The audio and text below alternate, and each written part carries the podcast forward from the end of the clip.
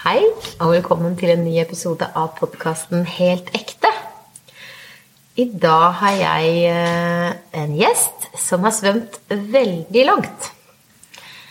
Det er Knut Ivan Rasmussen. Velkommen. Tusen takk. Kan ikke du fortelle hvem du er?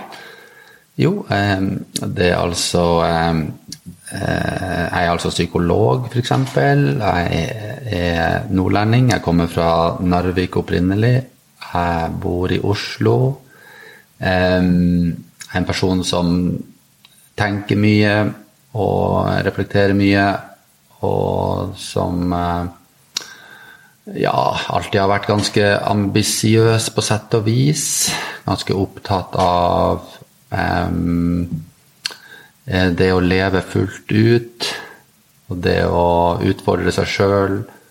Det å rett og slett bare tenke og, og, det å være glad i livet. For det, det er og rett og slett bare en fyr som ja, egentlig ganske sånn tankefull og følsom, og, men samtidig både sterk og svak om hverandre. Både tøff og patetisk. en herlig blanding. Det er vel egentlig det jeg har konkludert at jeg også er. Ganske tøff og ganske patetisk. Mm. men det er jo derfor jeg eh, har begynt å lage denne podkasten her, da. Fordi jeg syns det er viktig at vi også åpner opp de litt eh, sidene som vi har skjult litt, fordi det er flaut. For det er flaut å ikke innrømme at man er perfekt. Mm. Og eh, man har gjerne da en fasade eller en eh, identitet man har bygd opp rundt det som er bra og sosialt akseptert, og som folk eh, ønsker å se. Og som man da blir sett på, og andre syns kanskje at du er sterk og tøff og får til veldig mye. Men jeg tror da i det samfunnet vårt der det er økt fokus på psykisk helse, og vi ser at dette blir et økende og økende problem, at de også åpner om at alle har sider ved seg selv som kan bli til sykdom. Og hva er det som gjør at ting blir en sykdom? Hvordan er det med deg og din historie? Når du er psykolog, bruker du din historie? Kan du fortelle litt om din historie? Mm. Ja, altså um, Mye å fortelle der, egentlig. Altså, jeg kommer jo uh, Jeg kommer fra et litt Ja, et godt hjem på en måte, men også et ganske konfliktfullt hjem.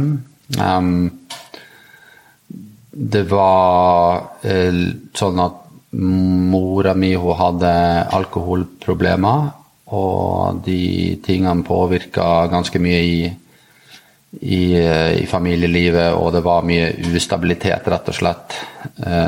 Så, så de tingene der har liksom Det har jeg på en måte tatt litt med meg i psyken min i forhold til å føle meg ja, litt følsom i forhold til en del ting generelt, som i forhold til hvordan man forholder seg til andre mennesker, og, og hvordan jeg forholder meg til meg sjøl. En slags sånn grunnleggende utrygghet, egentlig, som jeg har tatt med meg. Men samtidig så har jeg jo også hatt det mye bra i oppvekst og hatt Mine foreldre har hatt noen uh, solide styrker også som har uh, Som man har selvfølgelig eh, fått med seg og, og, og nytt godt av.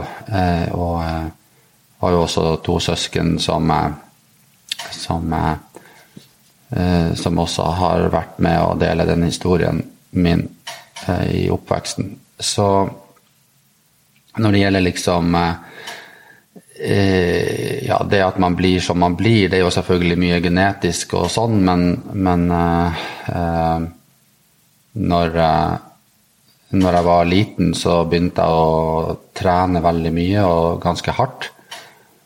Og eh, tror at selv om det var en greie som jeg gjorde for å bare ha det gøy, så ble det også veldig fort veldig alvorlig for meg. Og i forhold til det så hadde jeg ganske mye prestasjonsangst og var veldig redd for å mislykkes og var veldig mye nervøs og så var også veldig perfeksjonistisk. Så de ting, masse sånne greier rundt det eh, som jeg har på en måte tatt med meg opp gjennom årene i forhold til eh, ja, problemer med å deale med seg sjøl i prestasjonssituasjoner som jeg har på en måte lært veldig mye av opp gjennom årene. Og så fant jeg ut at jeg ville bli psykolog. Og så, og så fant jeg ut at jeg ville kalle meg sjøl prestasjonspsykolog etter hvert. Fordi jeg har hatt så mye greier og så mye problemer og utfordringer knytta til det å prestere. Altså problemer mentalt i forhold til det. F.eks. i forhold til frykten for å mislykkes. Um, så skrev jeg en masteroppgave om det. Uh, hvordan overvinne frykten for å mislykkes. Um, og begynte å coache og, og behandle folk da litt i, i uh, ja, hva skal jeg si, litt i lys av mine egne erfaringer, og, litt, og selvfølgelig veldig mye i lys av den utdanninga man, mm. man, har tatt da, som uh, psykolog. Det er jo, Hvis man ser det fra et sånn coachingperspektiv, da, der man skal finne hva som er uh, det du har i deg mm. Og du har jo på en måte brukt det som noen kunne brukt som en unnskyldning og en svakhet av en historie til å feile og rulle seg rundt i det man tenker at ja, men det er greit at ikke jeg får det til, for min historie var vanskelig. Mm. Så har du på en måte deala med det og tar liksom nysgjerrigheten til hvordan du skal takle det. Mm. Og også bruke det inn i livet til å være nysgjerrig på hvordan du kanskje kan hjelpe andre mm. med det. da. Ja. Er det en styrke i jobben din, tenker du? At du kan sette deg inn i å bygge relasjoner til pasientene dine som kanskje ja. annen du ikke ville kunne gjort ellers? Ja, altså jeg føler jo at jeg har eh, at jeg kjenner meg igjen i nesten alt som alle kommer med. Mm. For jeg har på en måte opplevd så mye eh, rart og, og, så mye vanskelig, men eh, også levd ganske sånn proaktivt på et vis. Jeg har på en måte hele tida prøvd å leve veldig fullt, og så har jeg prøvd å være så autentisk som mulig. Og, og samtidig uh, så blir det på en måte veldig mange, mange ting du uh, du får med deg ut av det, og, og, uh, og, så det, og, så er det, rett og slett det at når jeg prøver å hjelpe andre, så går jeg ofte inn i meg sjøl for å kjenne etter hvordan sånn cirka ville det her ha føltes for meg. Mm. Det de folkene forteller meg om. Og da er det veldig fort at jeg kjenner meg igjen i, eh, i de konkrete tingene de forteller om, og har ganske lett for å kjenne på det sånn litt innenfra, mm. hvordan det oppleves.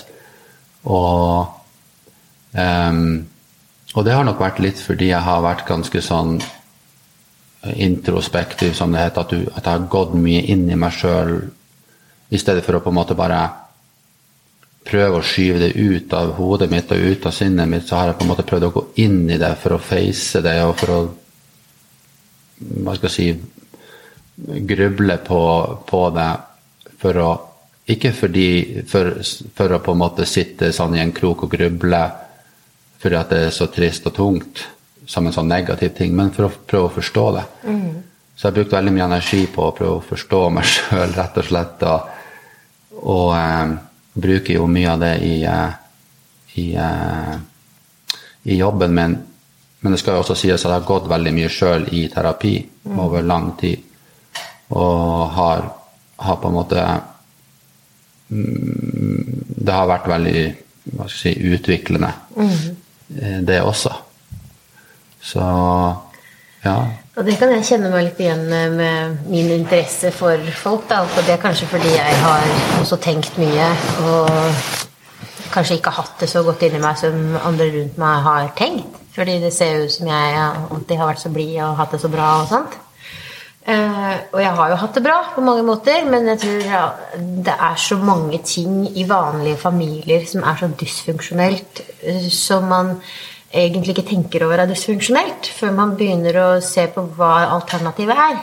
Mm. Og det er jo noe jeg har forstått uh, fordi det er mer snakk om. Det er veldig mange som snakker om psykologi, det er coaching, jeg har lest psykologi. Og sånn som når du nevner dette med at du har vanskelig for å stole på andre pga. din oppvekst, så leses jo det om i psykologien som en utrygg tilknytning. Mm. Uh, og det er jo det jeg opplever da med mine pasienter som kommer og er redde.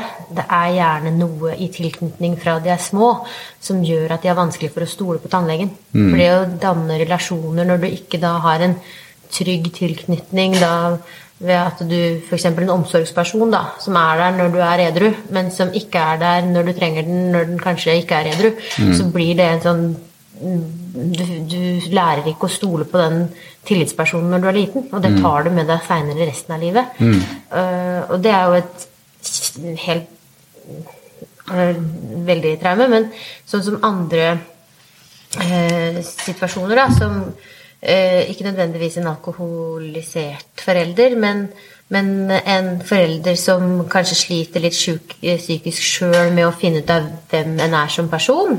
Mm. Og det er jo mange mm, damer som har slitt litt med å finne seg sjøl i tilværelsen i eh, tid der det skal presteres, og det skal vaskes, og du skal være en mamma, og du skal beskytte, og du får mye forventninger overalt. Og så skal du da la barnet ditt vokse til å bli sin egen person. Mm. Når du egentlig ikke har helt styr på dine indre tanker og følelser helt sjøl, mm. så er det mye der som kan være dysfunksjonelt, uten at det er en sånn klassisk traume som enten du har en, hatt en alkoholisert mor, eller mm. man har vært utsatt for seksuelle overgrep. Mm. Så jeg er veldig for at man kan også snakke om de litt mindre traumene i de ja. dysfunksjonelle, vanlige familiene. Absolutt. Um, nei, man, man, man, prater jo på en måte om uh, om eh, større eh, traumer og, og, små traumer, og det kan være mange, mange, helt vanlige folk på en måte som ser på seg sjøl som har hatt fine oppvekster, men som kan, kanskje har opplevd masse småtraumer som de aldri egentlig har tenkt over som traumer, eh, men som kanskje de eh, eh, tar med seg, og som preger de uten at til og med at de er klar over det. Um, og det er jo veldig typisk at når man går i terapi, i hvert fall hvis man gir det litt tid, så finner man gjerne ut at, man, eh, at det er en masse ting man går rundt og føler på, men som ligger litt under overflata. Og så kommer det liksom ikke frem før man går litt ordentlig inn i det og begynner sånn å, å, å prøve å sortere i det. Og da kan det komme frem følelser til overflata som man kanskje på et eller annet vis har følt at har ligget der hele tida men, men som man ikke, man ikke egentlig har hatt et bevisst forhold til. Og de følelsene ofte ligger der og hva skal jeg si eh, pusher oss eller motiverer oss eller dytter oss i retninger av forskjellige strategier som vi bruker da i, i livet eh, for å cope eller takle hverdagen. Og da når man ikke er klar over det, så kan man påføre de tingene på, på en måte på andre mennesker. F.eks. hvis du er en forelder som har mye uavklart, så ting du ikke tenker over med deg sjøl, så kan det så kan, du på, så kan du hva skal jeg si, på sett og vis da utsette ikke bare barnet, men også andre i familien for en del ja, problemer, da, stress etc., med å være på måter som du tenker sjøl er bare helt akseptabelt og ikke noe spesielt i det hele tatt. Mm. Og um, Så, så det, bare, bare, det i seg sjøl er jo liksom grunnlag for mange, mange små Bitte små, og litt mindre små traumer da, som man opplever hundrevis og tusenvis av ganger i en oppvekst, f.eks. Mm. Så det trenger ikke å være noe som du sier, noen spesielle store traumatiske ting, men det kan være at man har en forelder f.eks. For som eh, som kommuniserer et budskap ubevisst, mm. generelt og ofte, uten å tenke at det kan være problematisk. Mye kritikk, kanskje? eller? Ja, f.eks. Det kan ligge sånn kritikk enten imellom linjene eller av og til bli uttalt direkte på egenskaper eller måter å være på som egentlig er helt innafor i forhold til den man egentlig er. Mm. Og, ja, og, det kan være ganske forstyrrende. Og jeg har eh, en eh, Jeg tror jeg har nevnt han før også, men en pasient som er eh, deprimert, og som har slitt mye psykisk. Og han er veldig kreativ. Han er egentlig alltid skikkelig, skikkelig hard rock. og jeg elsker musikk, og jeg elsker å tegne, og jeg elsker å være eh, Ja, den er veldig følsom. Og så har han hatt mamma som har hatt idealet da å være Eh, at man må produsere, man må ha penger, man skal se ut på en viss måte. Det er viktig å gjøre karriere. Det er viktig Alt som hun syns er viktig. Han hadde ingenting av det. Og når du da vokser opp med da en mamma som hele tiden ser, sier at du er feil mm. um, Og jeg, ikke, jeg, er ikke psykolog, men jeg kan jo se for meg sånn når jeg har reagert på ting på han og spurte da hvordan foreldrene, eller relasjonen til foreldrene var, da. For mm. jeg prøver jo å snøre opp et par og er nysgjerrig på dette her. Mm. Så lurer jeg på Kan det faktisk ha trigga hans eh, psykiske sykdom, når du da går gjennom en traume og ikke være, får bekreftelse og bare blir sett på som et problem gjennom hele oppveksten? Kan mm. det trigge psykisk sykdom? Ja, altså eh, Det kan det fordi at man, man eh, eh Hvis man ja, hvis man er den man er, og så får du på en måte uh, Det blir på en måte kommunisert at det du er, ikke er greit, og så samtidig så er det sånn at den du er, kanskje egentlig er ganske ok, eller ikke noe spesielt uh, gærent, i hvert fall. Så kan det være at de, ting, de sidene ved deg som i utgangspunktet er den du er, vil ikke bli sett og hørt, eller validert, som man kaller det. Og da vil man ofte oppleve at ikke de sidene er gyldige. Altså at de er liksom ikke sider man, man, egentlig eh, setter pris på, eller som det er noe med som det er verdt å hva skal jeg si, si at ja, men sånn er jeg, mm. og det er bra. Eller det ikke bare trenger ikke å være bra, men det kan bare være sånn sånn er jeg, og det er helt greit. Mm. Så det kan være sånn at man begynner å skjule disse egenskapene. Og når man begynner å skjule egenskaper som som, eh, som, egentlig er helt naturlig for en, eh, så kan det gjøre at man tilpasser seg på måter som gjør at man ikke får det man trenger. Fordi man kommuniserer ikke ut. Man slutter å kommunisere ut eh, man, hvem man er, og hva man har behov for, og når f.eks. man, man eh, ja, for i forhold til grensesetting. F.eks. en, inn, en innadvendt person da, vil, vil kunne ha andre behov enn en utadvendt person. Men det kan være at det ikke er så veldig greit i den familien å oppføre seg som en innadvendt person. Og hvis du på en måte da får vite at det er feil, så, så, vil du begynne å få problemer med å eh, anerkjenne eller akseptere den du sjøl er, og tilpasse deg etter det.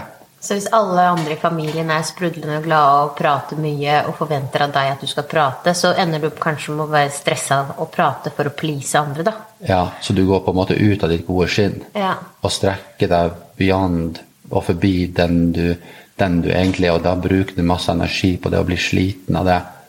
Så det hvis man prøver å være det andre forventer av deg, ja. så kan man faktisk bli Det kan være et veldig stress på kroppen.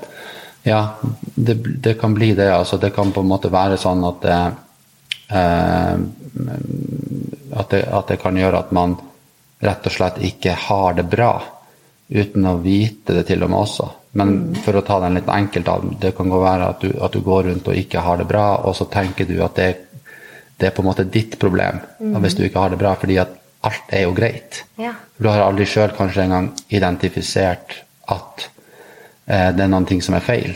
Fordi du har hele, hele tida fått vite at det er det andre som er feil. Ja. F.eks. den væremåten må være litt sånn introvert. Ja.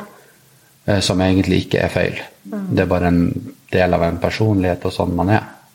Det er jo litt verdt å nevne da, at det er ikke alle som er klar over det, at mange tenker jo på utadvendthet som en positiv ting i seg sjøl. Ja. Men det er ikke noe mer positivt det enn å være innadvendt. Men folk der ute tenker ofte på, på utadvendthet som en, en, styrke, noe man ønsker. Men innadvendthet er noe man ikke ønsker. Og det er veldig spennende, for det er jo noe jeg lærte da jeg ble avdelingsleder der jeg jobba. Ja. Eller jobber fortsatt, men jeg er ikke avdelingsleder lenger. Men eh, det med å være på et foredrag med han som har skrevet 'Omgitt av idioter', mm. der man går litt på kvaliteter, at vi har personlighetstyper, mm -hmm. og at noen er utadvendte og noen er innadvendte. Mm. Og det med at de ikke forstår hverandre og er litt redde for hverandre fordi vi har så forskjellige trekk. Ja, ja. Og så er det gjerne de utadvendte som blir så lett likt fordi ja. de byr på seg sjøl, og de er så lett mm. å forstå. Og det har jeg også sett at det, det, er de man får bekreftelse av. Jeg som kanskje kan være en utadvendt person. da. Mm. Så jeg har vært redd for de innadvendte fordi jeg har vært så usikker på meg sjøl. Mm. At siden ikke de gir meg den bekreftelsen jeg trenger, så mm. har jeg eh, unngått de. Fordi mm. da har de vært skumle fordi de mm. ser på meg så jeg tenker at de ikke liker meg. Mm. Ja. Og det jeg har lært etter at jeg da har funnet ut dette annet med meg sjøl og blitt mye tryggere i meg sjøl, så har jeg blitt kjent med så mange innadvendte personer. Mm. Og derfor har jeg også invitert mange av de inn hit, for jeg tenker mm. at de har så mye kunnskap de har så mye verden trenger som ikke nødvendigvis kommuniseres ut. Mm. Fordi de har ikke det behovet for bekreftelse hos andre. De har ikke behov for å dele på samme måte som kanskje ekstroverte gjør. da. Altså mm. Ekstroverte ender opp i media. Mens introverte de sitter og har en del kunnskap om kanskje en sannhet som også er viktig. Ja, ikke sant. Så øh, det er jo gjerne litt sånn at hvis man er i et rom, man sitter kanskje i en sofa, og alle drikker kaffe, og det er et eller annet kaffeslabberas, så er det jo gjerne én eller to eller tre som, eller i hvert fall én, da, gjerne, som sitter og er litt mer stille enn de andre. Og, og det kan være at de tenker på utrolig mange interessante, fine ting. Men, eh, men det kan være også det at de ja, Nå drar jeg den kanskje litt langt, men, men likevel. Altså, jeg tror veldig mange av de innadvendte er så vant til å tenke så mye. Altså at de tankene de har de føler ofte at de tankene de har, ikke passer seg eller passer inn i en mer utadvendt verden, fordi at ofte den utadvendte verden er mye mer sånn enkel. Ja. Eller ikke nødvendigvis, men at den, det man gjerne prater om over en kaffe og et kakestykke, kan være veldig sånn hverdagslige ting, mens den innadvendte personen kan sitte og tenke mye mer filosofisk rundt ting. Og da kan de føle at hvis de åpner munnen sin og snakker om hva de faktisk tenker på, så vil det ofte bli De vil føle at det blir på en måte for mye for de som sitter ellers i sofaen og som har lyst til å snakke om strømregninger og eh, renter og, og hva enn som står i VG, mm. f.eks. eh, så det kan være at de, de pga. Liksom tabuer og, og sånn i i eh, samfunnet, så kan det være at de trekker seg enda mer inn og blir sittende alene med det, alle de tingene de føler på og tenker på. Og holde det for seg sjøl og tenke at det er like greit. Men ofte, da, med en følelse av at det de tenker på, er bare ikke så interessant eller så bra. Mm. Så de faktisk kan få ganske dårlig selvfølelse av å, av å av å på en måte ikke lufte de her tingene de tenker. Fordi at det ofte blir eh, Nå er det litt synsing fra min side her, da, men, men, jeg tror ofte det blir liksom slått litt ned på i vanlige sosiale settinger som Det var en veldig merkelig ting å tenke på. Men det kjenner jeg meg kjempegodt igjen i. Ja. Fordi eh, jeg har jo på en måte åpna litt i en veldig sånn typisk vennegjeng der det er mye veldig veldig fine folk, og det er veldig mye gøy. Og vi har hatt det veldig mye gøy. Vi har dansa og vi har festa og vi har hatt det mm. veldig mye gøy. Mm. Men med en gang jeg på en måte har åpna litt om andre ting, så føler jeg at det, det blir litt sånn Jeg lurer på hva, hva jeg Eller jeg føler ikke at jeg blir møtt med forståelse for de tankene, da. Ja. Uh, og da har jeg også lukka det inne. Ja. Og så har jeg vært så heldig, og jeg har reist masse og blitt kjent med masse nye mennesker. Og jeg husker jo da at jeg har møtt en da jeg var 20 i Frankrike, en, en god venn som vi ble veldig godt kjent. Og det var første gang jeg åpna opp og begynte å prate om disse tankene i hodet. Mm. Og det jo, kom jo bare ut som babbel, men det var liksom veldig godt å begynne å prate om. Mm. Uh, og det å faktisk da møte nye som jeg da har klart å prate, det har vært kjempeviktig for å finne ut av hva, hvem jeg egentlig er, og hvordan man ja. At det ikke er helt dustete, det jeg sitter inne med, men kanskje det er av verdi for noen.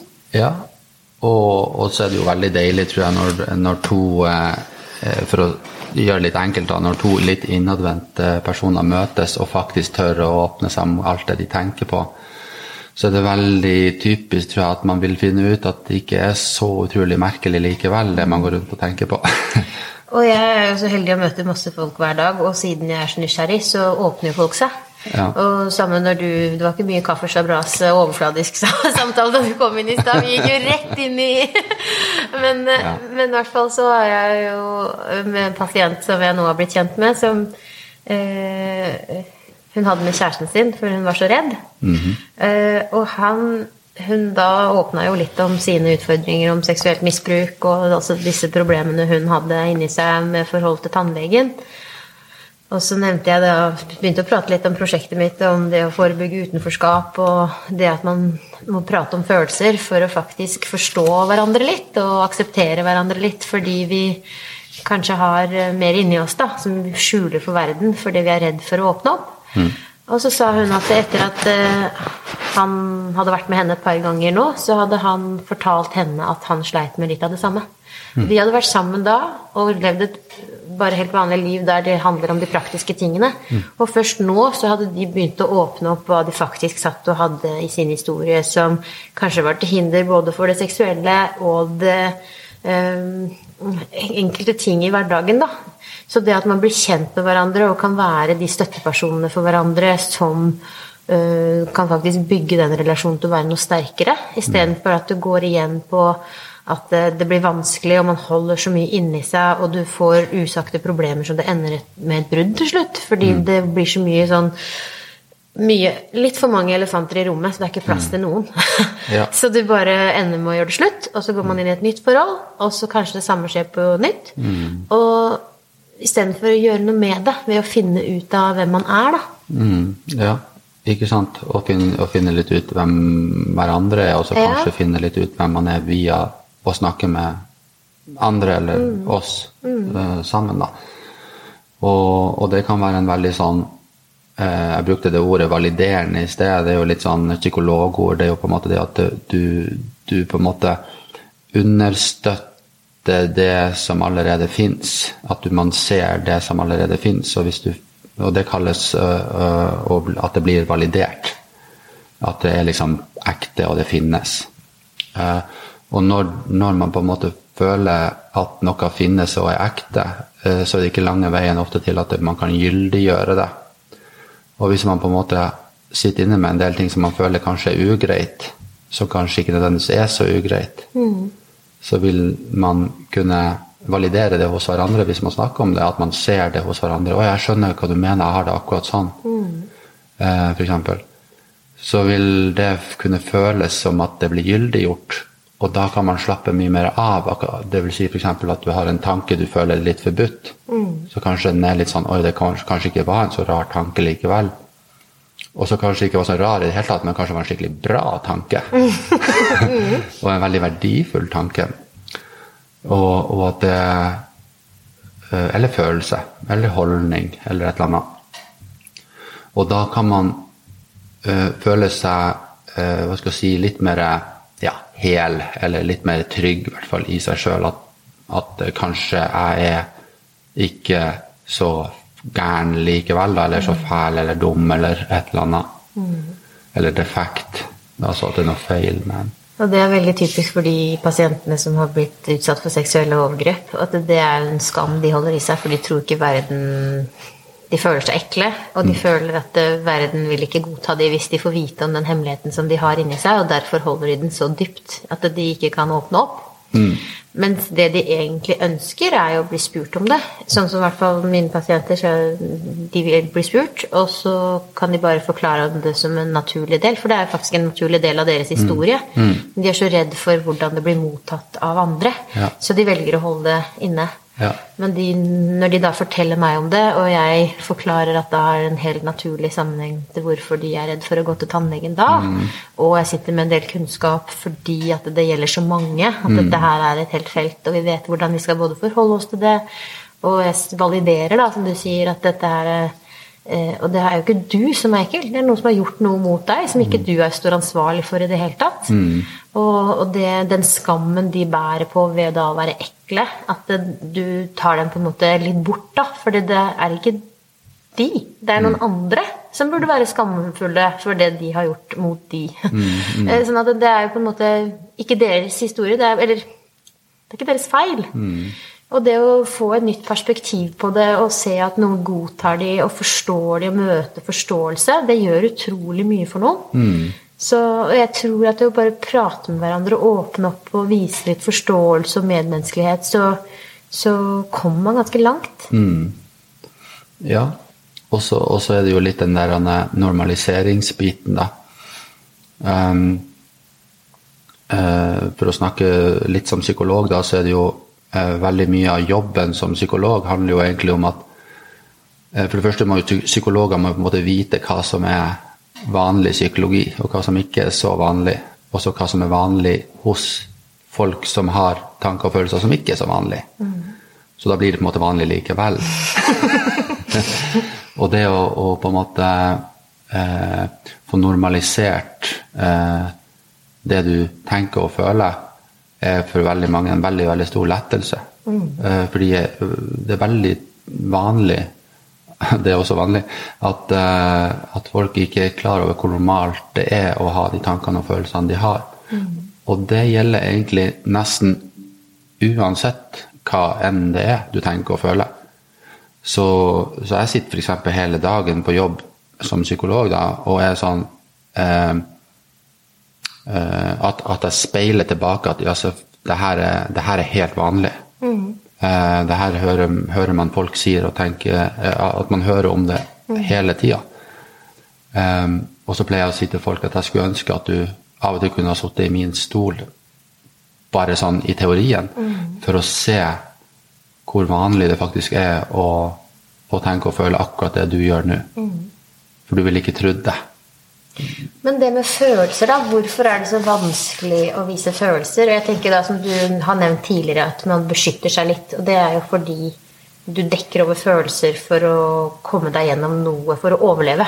Det er vel kanskje derfor vi dekker over følelsene, for å bli godtatt, for at vi skal overleve, for at vi skal klare å finne grupperinger som vi kan beskytte oss i fordi at verden er farlig. Ja. Og så bruker man det som en overlevelsesmekanisme, da. Men det som man gjør kanskje med de følelsene når man har fulgt den strategien, også når man da blir voksen, og man ikke trenger å skjule seg lenger, og det, kanskje det blir litt sånn patologisk, at man får sykdom av det, og så må man finne ut av hvilke følelser som da Eller mønstre man har tatt på seg eh, opp igjennom, og så kanskje da er de ødeleggende istedenfor å hjelpe deg videre som de gjorde før.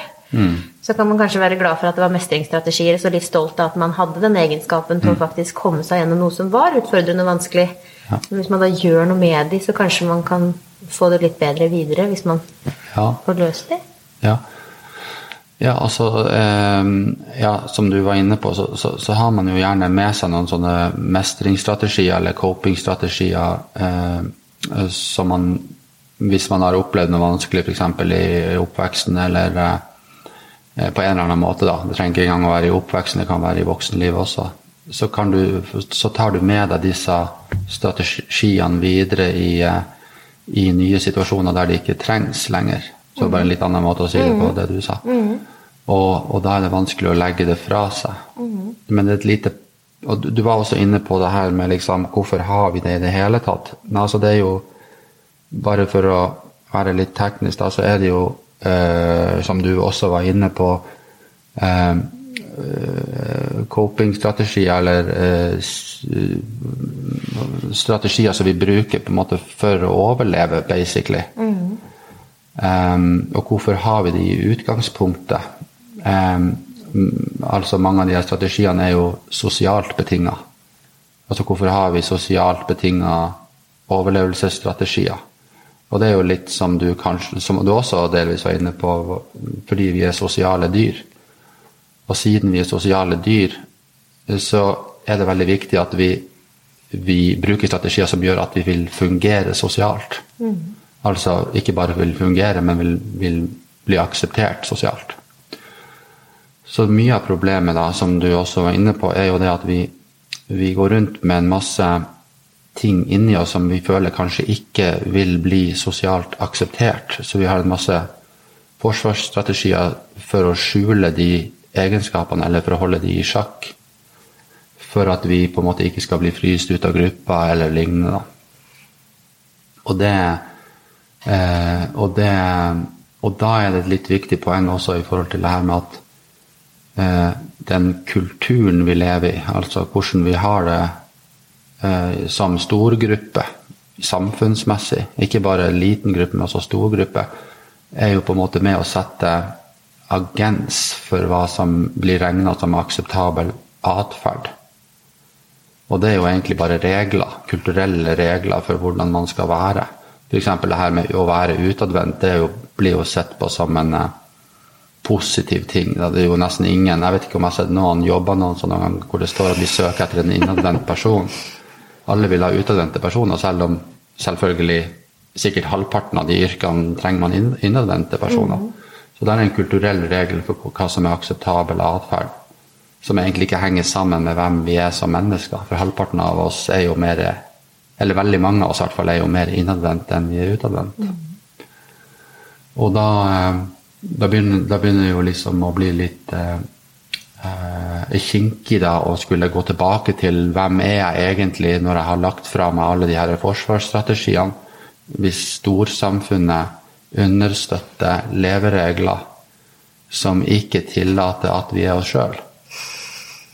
Storsamfunnet. Jeg vet, og storsamfunnet. Med en gang man nevner storsamfunnet, så har jeg vært redd for å bli omtenkt. Og jeg er livredd for at noen skal tenke på meg som en konspirasjonsteoretiker.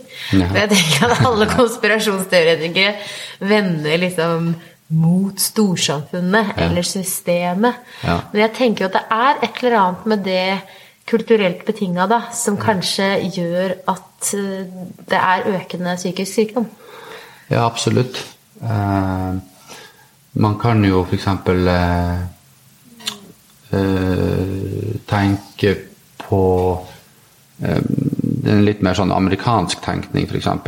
Nå er det kanskje litt urettferdig å kalle det amerikansk tenkning, men det er jo litt mer sånn um, Det er det som kanskje er det mest kjente landet som foregangsperson, foregangsland i forhold til individualisme og mye individualistisk tenkning. Altså det at man eh, ikke bare tenker sjøl, men at man skal klare seg sjøl. Baserer seg jo mye på en forestilling om at vi er vår egen lykkes med. Og hvis man har, en, tenk, har en tanke om at eh, det er man sjøl som avgjør hvor mye man lykkes i livet, og kun en sjøl, ut fra ens egen vilje og viljestyrke, så har man eh, egentlig satt opp eh, et eh, satt opp et fint grunnlag for en massiv depresjonsbølge. Mm. Fordi mye av kjernen, ikke kanskje alt, men mye av kjernen i depresjon jo, handler jo om mestring. Mm. Altså man føler at man mestrer, og at man har kontroll i livet sitt og over seg sjøl. Og hvis man ikke føler at man har kontroll over seg sjøl, så, så, er ofte det en sentral, del i, en sentral del av det å være deprimert. Så hvis, hvis betingelsen er at eh, det er en selvfølge at hvis du har problemer i livet, så er det din egen skyld. Kun. Ja, men hvis man tenker at uh, man hvis man får rydda opp i det, hvis det er sosialt akseptert at vi alle har utfordringer som man da kan få hjelp til å løse, og hvis man har mulighet da i et samfunn som er bevisst, som er et traumesensitivt eller traumefokusert da, samfunn mm. for å løse disse problemene, mm. så er jo tanken med at man er sin egen lykkes med, ikke så dumt, da. Ja, altså eh, det, det, For da vil du ikke skammen ved å ikke klare å mestre. Ja. Og hva er det å mestre? Er det ja. å komme seg gjennom det som er vanskelig med en depresjon, kanskje mestring nok? Ja. Så, så det, jeg tenker kanskje at det handler mye om hvor nyansert man er liksom, i den tenkninga i forhold til eh, eh, hvor, altså kompleksiteten av det å være menneske. Mm. Altså eh, eh det er jo det er noe snakk om i litteraturen det her med hvordan man tidligere, i tidligere samfunn, eller i hvert fall eh, før eh, industrialismen, så var man vant til i vestlige samfunn å, å lene seg mer på sine surroundings, også sine sosiale omgivelser, sosial struktur, religion og sånne ting som som kunne regnes som psykologiske buffere. Altså en sånn beskyttelses uh, Sånn beskyttelse egentlig mot uh, vanskelig psykologi, eller tunge, tung psykologi, eller depresjon, egentlig. Fordi man følte seg ikke så alene i, i verden. Men i den individualistiske kulturen så er det et tegn til at man, man, man skal på en måte klare seg litt uavhengig av det. Eh, til en viss grad, i hvert fall. I hvert fall i, i, det, i ekstreme prinsipielle tilfeller så, så, skal man på en måte klare omtrent hva som helst uansett. Mm. Og Men der er jo igjen definisjonen på å, å mestre, da. Jeg tenker jo at det er sånn som vi lærer i eh, mestring her, så skal man på en måte passe inn i boksen, og man skal få seg et yrke, og så man skal tjene godt med penger. Og for de som ikke definerer det som en viktig ting, så blir det jo veldig vanskelig å mestre, fordi du verken kanskje er rusta psykologisk til å gjøre det, samtidig som det kanskje krysser en del verdier fordi du ikke syns det er så viktig. Eh, og, og Ja. da blir det jo veldig vanskelig også, selv om ikke vi er det samme individualiststyrte systemet i Norge, så er det mange som lider av det samme her. Ja, ja, absolutt. Og det er jo eh, det er, jo veldig, også, det er jo også veldig interessant det du er inne på i forhold til liksom hvilke betingelser som Eller hva man kaller mestring. ikke sant? Altså hva er det som er kriteriene for at man kan kalle det for å ha lykkes, eller Ja. å ha mestra noen ting. Og der er det jo også veldig mye sånn um, I forhold til det vi snakka om i sted med gyldiggjøring, så er det liksom en del ting som ikke blir regna som gyldig mestring. Men jeg har invitert deg jo egentlig hit for å snakke om svømmeturen din. jeg. Ja. Det har vi jo ikke fått begynt på engang. Nei, det like greit. Men det er jo kanskje litt det der med hva skal til for at du skal føle mestring.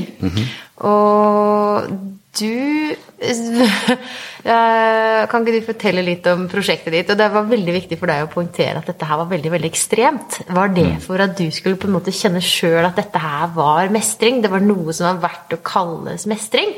Fortell litt om prosjektet ditt. Ja, altså det er, det er egentlig litt uh, mm, Det er et litt komplisert tema. Jeg har jo vært på foredrag med deg, så hvis du skal ta Ja. hele det nå Ja. så, men, Ja, men eh, jeg kan prøve å begynne sånn smått på det der med hvorfor jeg ville poengtere at det var ekstremt. Um, det går nok litt på egentlig en, en, eh, en slags form for følelse av disvalidering. Da. Av, altså at jeg har følt at en del folk skjønner at det er, oi, det er heftig å svømme fra Oslo til Bergen. Men jeg har lagt merke til gjennom veldig mange samtaler Jeg har hatt veldig mange samtaler med folk om dette temaet, og det virker som veldig få på en måte forstår hva det faktisk innebar, sånn rent fysisk. Og psykisk, for den saks skyld. Og, og, em, og, og det føler jeg på en måte er litt sånn eh, Hva man skal si Jeg har jo lenge gått rundt med en, en slags eh, idé om at eh, jeg har noen ganske eh, ekstreme krefter i meg. Og jeg har hatt et behov for å uttrykke det eller leve det ut. Og det å, å svømme ja, bare f.eks. ca. seks timer i snitt hver dag, da, er, er i havet med brennmaneter og mens du delvis fryser, er eh, vanskeligere enn kanskje mange vil skulle tro. Og, og, eh, og for min del da, så hadde jeg vel litt lyst å Det er kanskje litt eh, Ja, man skal si En litt sånn primitiv eh, side ved meg på ett vis, og samtidig en Det viser vel litt bare at jeg er et menneske også. At jeg hadde et behov for å få uttrykt at det jeg gjør, er faktisk ganske sinnssykt. Eh, ikke bare holde det inni meg, men også dele det med verden, sånn at jeg i så stor grad som mulig skulle få frem at, um, at det er ikke bare en lek. Det er, det er det er en ting som jeg er stolt av å ha klart, og som, eh, og som på en måte jeg ikke ville skulle bli undervurdert. Er det fordi det i vårt samfunn er så vanlig at vi skal tenke at alle er normale? Alle er øh, der Vi har jo janteloven i Norge. At det er liksom Vi skal holde oss innafor normalen. For du skal ikke verken fortelle at du er noe bedre, eller tro at du er noe bedre. Ja, det. Men var det litt sånn viktig for deg Eller har du lyst til å liksom bryte ut? Du kjenner Ja. at du har en ekstrem kraft i deg. Du har egentlig lyst til å være en superhelt, du. Og så, Ja. og så får du ikke lov til å være superhelt fordi alle skal være normale.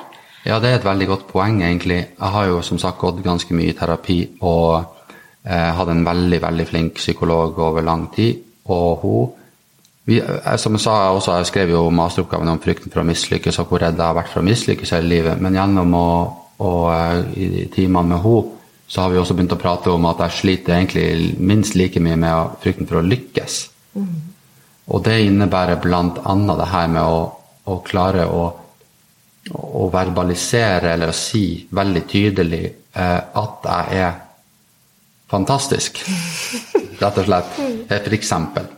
Eller å vinne noen ting, og ikke, ikke gjemme det under teppet, men å vinne det og si at jeg er best. Og, og ikke trenge å skamme seg for det. Så for meg personlig så har det vært en prosess hvor jeg har jobba veldig mye med meg sjøl. Og takk for at du spør, for det er veldig bra at du spør. Eh, jeg jobba veldig mye med meg sjøl for å kunne eie det å stå frem og ta plass. Eh, også selv om det på en måte er eh, at jeg risikerer sosial fordømmelse eller devaluering, da, som det heter på fint. Altså at folk ikke liker det. Ja. Og jeg har hatt behov for å liksom Ja, men det er en eh, Det her er den jeg er. Ja. Eh, på godt og ondt. Jeg gjør masse dumt og masse ting som jeg ikke strekker til på, men jeg har også noen egenskaper som er helt rå. Og jeg må få lov å eie det, og jeg må Ja. få lov å si at jeg har de. Ja. Og, og derfor, det var en av grunnene, eller kanskje ganske bra pinpoint av grunnen til at jeg ville si til verden, eller til Norge i hvert fall, at eh, det jeg gjør er veldig ekstremt. Fordi at jeg har på en måte lyst til å eh, s- sette det liksom Si det in your face, på en måte til den styggen på ryggen da inni meg, og eventuelt utafor meg sjøl, at uh, det er greit. Jeg får lov å skinne. Jeg får lov å være fantastisk. Jeg får lov å ha de styrkene jeg har. Og ingen Vi trenger ikke å, å eh, dysse det ned. Men da, det, da du skulle svømme fra Oslo til Bergen, og du prøvde å et, sette et prosjekt på beina, da, det koster jo penger. Og, og det med å finne sponsorer, og det var jo ganske mye motstand i det å bare sette i gang et sånt prosjekt. Ja, det var jo også en masse greier rundt det, da. Ja. Jeg har jo, eh, jeg har jo også f.eks. fått litt kritikk eh, på sett og vis for å være at det var dårlig planlagt. Ja. og eh, mm, også det er litt sånn komplisert å prate om, men, men jeg ville på en måte kunne gjøre det på min måte. Jeg hadde lyst til å kunne gjøre det på en uplanlagt måte og ta det spontant og, og se på det som en Det er litt sånn jeg er, men jeg baker det inn i det å være rå, da. Og det jeg må bare si, for jeg synes det er så. Det er litt sånn som jeg har gjort på den podkasten her. Det er uplanlagt, og det er, jeg kan ingenting om det. Men, Ja. men likevel, når man bare begynner Du turte bare å begynne selv om ikke du hadde alle trådene helt på stell. Ja, og det var veldig viktig for meg. Og det utvikla seg jo til kanskje å være noe av det kuleste med hele prosjektet. Ja, Fordi det var du Du trengte ikke Red Bull for å si at dette her var til ære for Red Bull, eller du gjemte deg ikke bort en, en større sak, at du gjorde det for en større sak. Du gjorde det for deg. Ja, og det er også en ting jeg eh, i hvert fall delvis føler på. Jeg har fått litt kritikk for at jeg ikke gjorde det for en større sak. liksom. Ja. Jeg føler at det er en stor sak å gjøre det Ja. for, for meg. Og jeg skulle ønske at andre også kunne gjøre ting for seg sjøl, for å gjemme seg bak alibier Ja. og late som at de gjør ting for, for ting som egentlig ikke betyr noe for dem. Og, og jeg ønsker jo også at det skal være en, eh, en, symboli, en symbolisering i det også, ikke bare for meg sjøl, men også generelt. Eh, eh, I forhold til det her med å ta plass, og det å tørre å tape, tørre å mislykkes, tørre å lykkes, tørre å være fantastisk. Kunne være på en måte begge deler. Um, Og den der kraften i enkeltmennesket, og når jeg så da at du var på vei, og du var jo åpen om at nå går jeg tom for penger, er det Ja. noen som har lyst til å støtte prosjektet? Og jeg satte inn penger, og Ja, jeg tenkte at det her er heia deg, og jeg syns det var så inspirerende, og jeg syns det var så eh, Og det handla ikke bare om å svømme, og det har jo du også fortalt, at det Ja. var jo ikke svømminga som var greia, det handla om noe mer.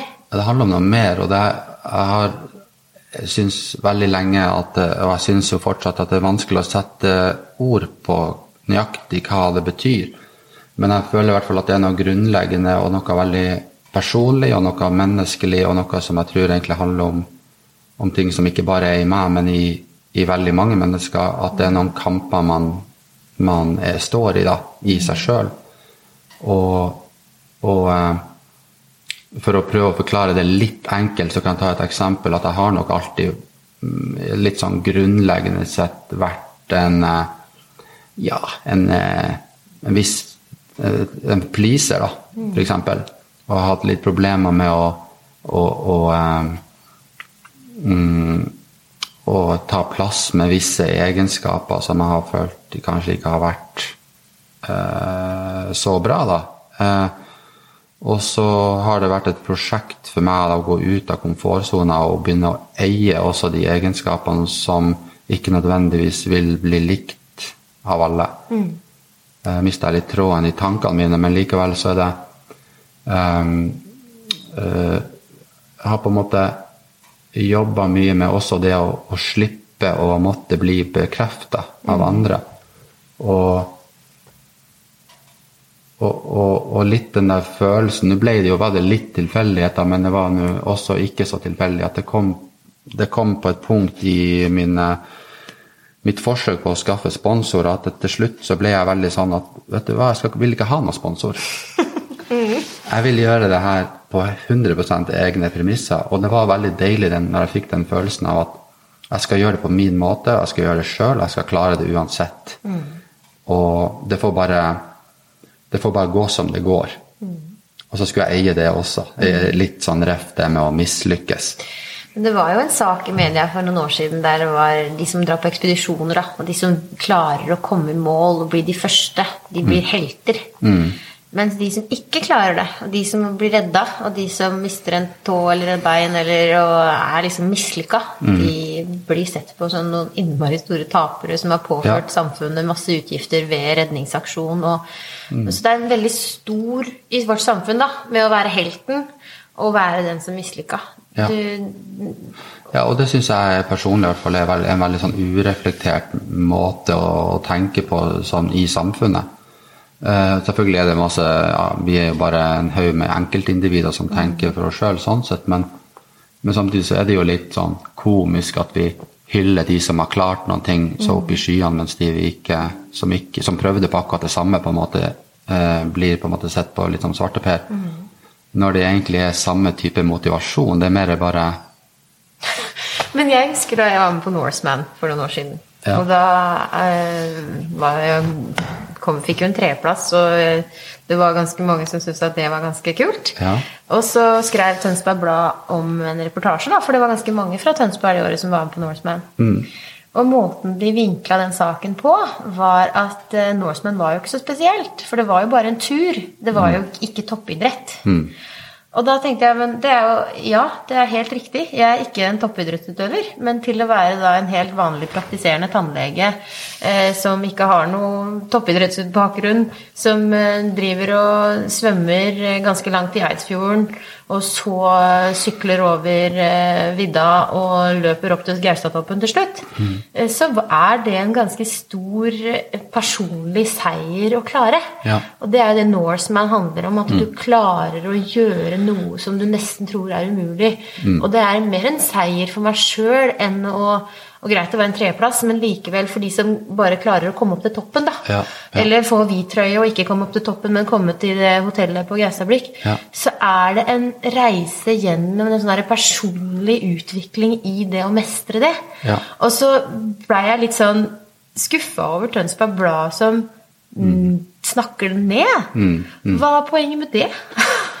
Nei, altså det er jo igjen litt det der kanskje med de der kulturelle reglene vi prata om i sted, der, der, på en måte man, man uh, gir uttrykk for en måte å tenke på som man kan merke litt sånn i samfunnet, delvis.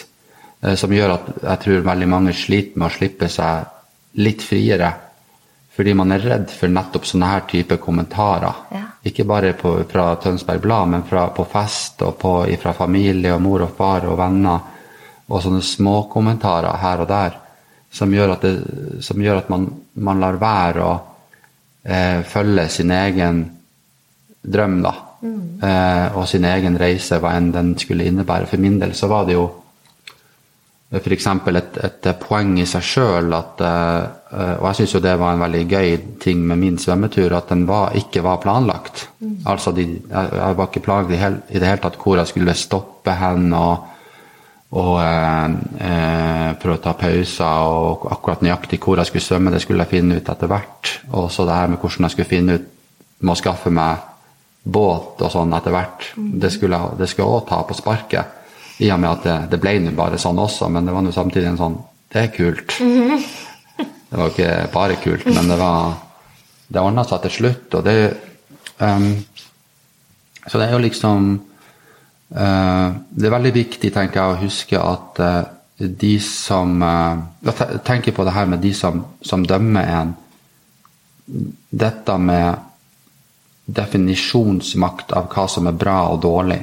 Hvem er det som har definisjonsmakta eh, til å si at noe ikke er bra, eller noe er dårlig? Og, og, og hvem har fasiten på det? Og så med en gang man begynner å uttrykke sånne tydelige meninger, som f.eks. at Norseman er bare en tur, det er ikke noe spesielt å være imponert over, så har man valgt side i forhold til noe som kunne ha vært litt mer reflektert. Man kunne, man kunne mene det, man kunne mene noe annet også, men man velger på en måte bare å si at sånn er det. Mm. Man har definert det sånn, og så har de, føler de kanskje, da, det vet jeg ikke, men at de hadde var i en posisjon til å kunne dømme det. Og det kan jo kanskje være en grei vinkling fordi alle andre lagde det til å være en sånn stor greie. Og jeg kan jo være enig om at ja, ja. Eh, det er jo ikke det største i verden å klare. Ja, det er greit å si mening. Ja, så det, det kan vel kanskje være derfor de tok den vinklinga. Fordi alle andre tok uh, den siden der det var så vanvittig ekstremt og bra, da. Ja. Mm. Uh, så, så, uansett da, så vil jo uh, ref det her med, med, andre sine meninger, det vil jo alltid hagle med ulike meninger om alt man gjør, uansett. Og derfor er det kanskje greit å ikke ta det så på alvor hva alle andre mener, da, men heller hva gjør noe som en sjøl syns er dritbra? Ja, jeg tenker det at det går liksom å gå veldig grundig inn i seg sjøl i forhold til hva er det som gjør at jeg har det bra, og hvem er jeg egentlig, sånn egentlig innerst inne, og hvem har jeg lyst til å være. Mm. Eh, og, og, så er det litt sånn at du vil få kritikk. Mm. Uansett hva du velger? Du vil få kritikk absolutt uansett. Ja. Hvis du sitter stille i båten, vil du få kritikk også. um, men en måte kanskje å slippe å få kritikk, det er hvis du ikke sier noe, ikke gjør noen ting, og rett og slett bare er fullstendig usynlig. Da vil du ikke få kritikk. Og det er jo veldig mange som er redd for å sette i gang med et prosjekt fordi det ikke er godt planlagt. De er så redd for å ikke være best at de bare velger heller å ikke gjøre det. Ja, og det, det er personlig i hvert fall en veldig veldig viktig del av greia for meg. Er, var, er jo på en måte bare å Mer det å følge mine uh, mine drømmer, da, for å kalle det um, og at de må på en måte være riktig for meg. Og så ikke være på en måte så, så, opptatt av om jeg klarer det eller ikke, men mer det å, å følge um, noen prinsipper, egentlig, i mitt eget liv som jeg står inne for. Så jeg hadde f.eks. personlig syntes at det var kjempekult om jeg hadde en kompis som hadde eh, Hvis ikke jeg driver med svømming sjøl, da, men hvis, hvis noen, en annen skulle prøvd å svømme fra Oslo til Bergen, og det virka bare helt merkelig for meg, mm. eh, så ville jeg synes det var sykt rått å bare starte på det, og så gå på supersnørra eh, en eller annen plass mellom Lindesnes og Stavanger. Ja. Og det er bare sånn Wow, det er så, det er så kult at du prøvde. Ja. Eh, og, og, og eh, akkurat det der med å måtte klare det, så Jeg føler det er veldig sånn nedrig Nå dømmer jeg, da, men jeg føler det er en veldig nedrig måte å tenke på at, at så lenge hvis man, det er kun hvis man klarer det, at det er litt kult. Ja. Jeg syns det er veldig smålig. Veldig, veldig smålig. Og det var de der gutta Jeg vet ikke om du hørte om de som eh, rodde fra, fra USA til eh, England? Eh, Ja, okay. Og da De var det der med prosjektet, de, var, de hadde vel egentlig tenkt da å ro videre til Norge. Ja. Mens de ikke kom seg over den engelske kanalen. Jeg husker ikke helt hvor. Men, Ja. men da fra å ikke egentlig klare det som de da Det satte hårete målet. Ja. Og de kom, det var, hadde masse å være fornøyd over. De klarte ikke å overgå de gutta som hadde gjort det i gamle dager. Men det var det som var målet. Ja. Eh, de klarte ikke nå det målet, men de hadde for fa søren meg gjort noe skikkelig sykt. Og ro over eh, fjorden fra Amerika. Ja, ja. Men da hadde de ikke nådd det målet de hadde satt seg. og, så, og så reflekterte de litt over det. Og så har vi en kompis også som prøvde å svømme over den engelske kanalen Ja. nylig. ja, du vet jo om det. Ja, og han klarte det ikke. Nei. Men han var så fornøyd med den reisen han hadde gjort likevel. Ja. Og hva han hadde lært om seg sjøl i det å prøve. Ja. Og jeg syns vi skal heie på det. Og bare tørre å prøve, og ikke Om man kommer i mål på den tida man hadde tenkt, eller om man klarer det i det hele tatt. Ja, og, man bare heier på det. Ja, og jeg jeg tenker også at du kan ta det enda lenger med å si at det, det å på en måte gå hardt ut med å si at jeg skal virkelig prøve å klare det her. Ja. Og når man da ikke klarer det, så trenger man ikke å dysse det ned eller la være å si noe om det. Men mer, jeg syns, uh, det var kult sånn som han gjorde, f.eks. at han, han som prøvde å svømme over den engelske kanalen, at han, han, uh, han kom tilbake og fortalte om hvordan det var å ikke klare det. Ja.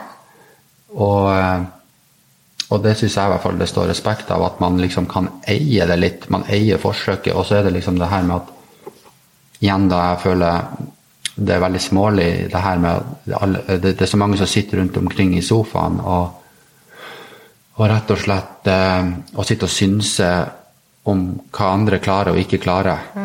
Og, og, og kanskje sitte med sine egne begrensninger i forhold til hva de sjøl ville tort og satt i gang med. Og, så, og så skal de på en måte påføre andre dette her psykologiske presset med at hvis du først skal prøve på noe, så må du i hvert fall klare det. Og så sitter de og disser fra sofaen at noen faktisk prøver og ikke klarer det, mens de sjøl aldri prøver. Det er det Karpe synger om. Det er lett å være rebell i kjellerleiligheten din. Ja, ja.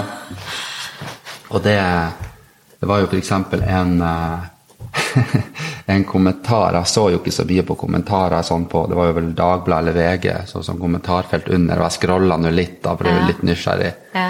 i forhold til min egen svømmetur. Og da var det ei som sa at eh, et eller annet sånt Pøh, imponerer ikke meg. Eh, før han eh, Med mindre han faktisk eh, kommer til Bergen.